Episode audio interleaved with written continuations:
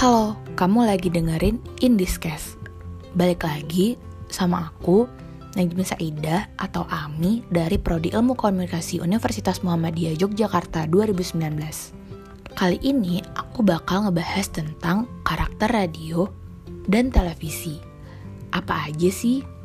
Nah, sebelumnya, radio itu dapat didengar apabila siaran, lalu didengar kembali apabila diputar kembali. Daya rangsangnya rendah, elektris, relatif murah, dan jangkauannya luas. Kalau televisi itu juga dapat didengar, tapi bedanya kita bisa lihat kalau ada siarannya.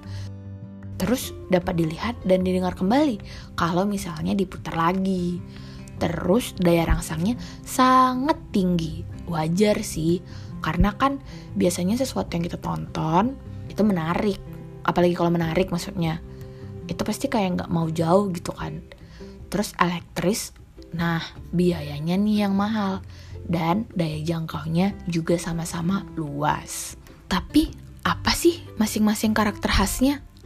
Nah kalau radio itu sifatnya imajinatif karena dari suara itu bikin pendengarnya punya apa sih kayak bayangan sendiri atas apa yang telah disiarkan gitu dengan melalui kekuatan kata dan suara. Terus yang kedua, auditory.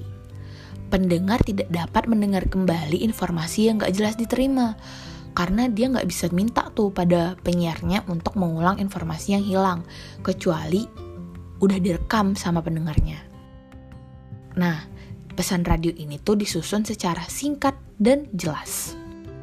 Lalu ada akrab dan intim. Kamu bisa dengerin radio sambil ngelakuin aktivitas lain. Mungkin kalau sekarang biasanya orang dengerin radio lagi lagi bawa mobil, lagi di dalam mobil, atau mungkin banyak masih banyak kali ya yang dengerin radio sambil jogging, olahraga. Nah, lalu biasanya radio juga identik sama yang namanya musik. Kalau dulu tuh masih sering kan orang-orang kayak request lagu yuk di radio ini. Nah, pasti dengerin musiknya itu melalui radio dan kita biasanya tahu lagu-lagu terupdate itu juga dari radio. Tapi radio juga punya gangguan, yaitu adanya timbul dan tenggelam audio karena gangguan teknis. Hmm.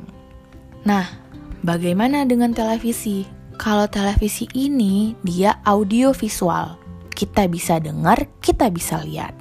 Terus berpikir dalam gambar. Nah, pertama visualisasi yaitu menerjemahkan kata-kata yang mengandung gagasan yang menjadikan gambar-gambar. Dan kedua, penggambaran yaitu kegiatan merangkai gambar individu sedemikian rupa sehingga mengandung makna tertentu. Dalam televisi ini, pengoperasian atau cara kerjanya itu harus kompleks gitu loh. Banyak yang harus dilakukan, banyak yang harus dikerjakan, gak bisa cuma rekam ma macem-macem gitu. Jadi harus sempurna. Lalu televisi ini punya kekuatan yaitu dia itu adalah audiovisual dengan daya rangsang yang tinggi karena ada informasi di dalamnya yang bisa kita lihat, terus ada iklan, terus dan iklannya ini tuh bisa kita lihat. Jadi kayak kita pengen aja gitu belinya, apalagi kalau iklan itu menarik banget. Nah, biasanya iklan kayak iklan Ramadan gitu kan ditunggu-tunggu kan. Terus ada yang namanya program. Nah, program-program TV ini pasti dirancang sama stasiun televisi dengan semenarik mungkin untuk menarik penonton. Lalu, teknologi juga tinggi digital dan streaming. Menggoda pastinya. Iya dong, karena sesuatu yang udah kita tonton menarik, pengen kita tiru juga dan jangkauannya luas.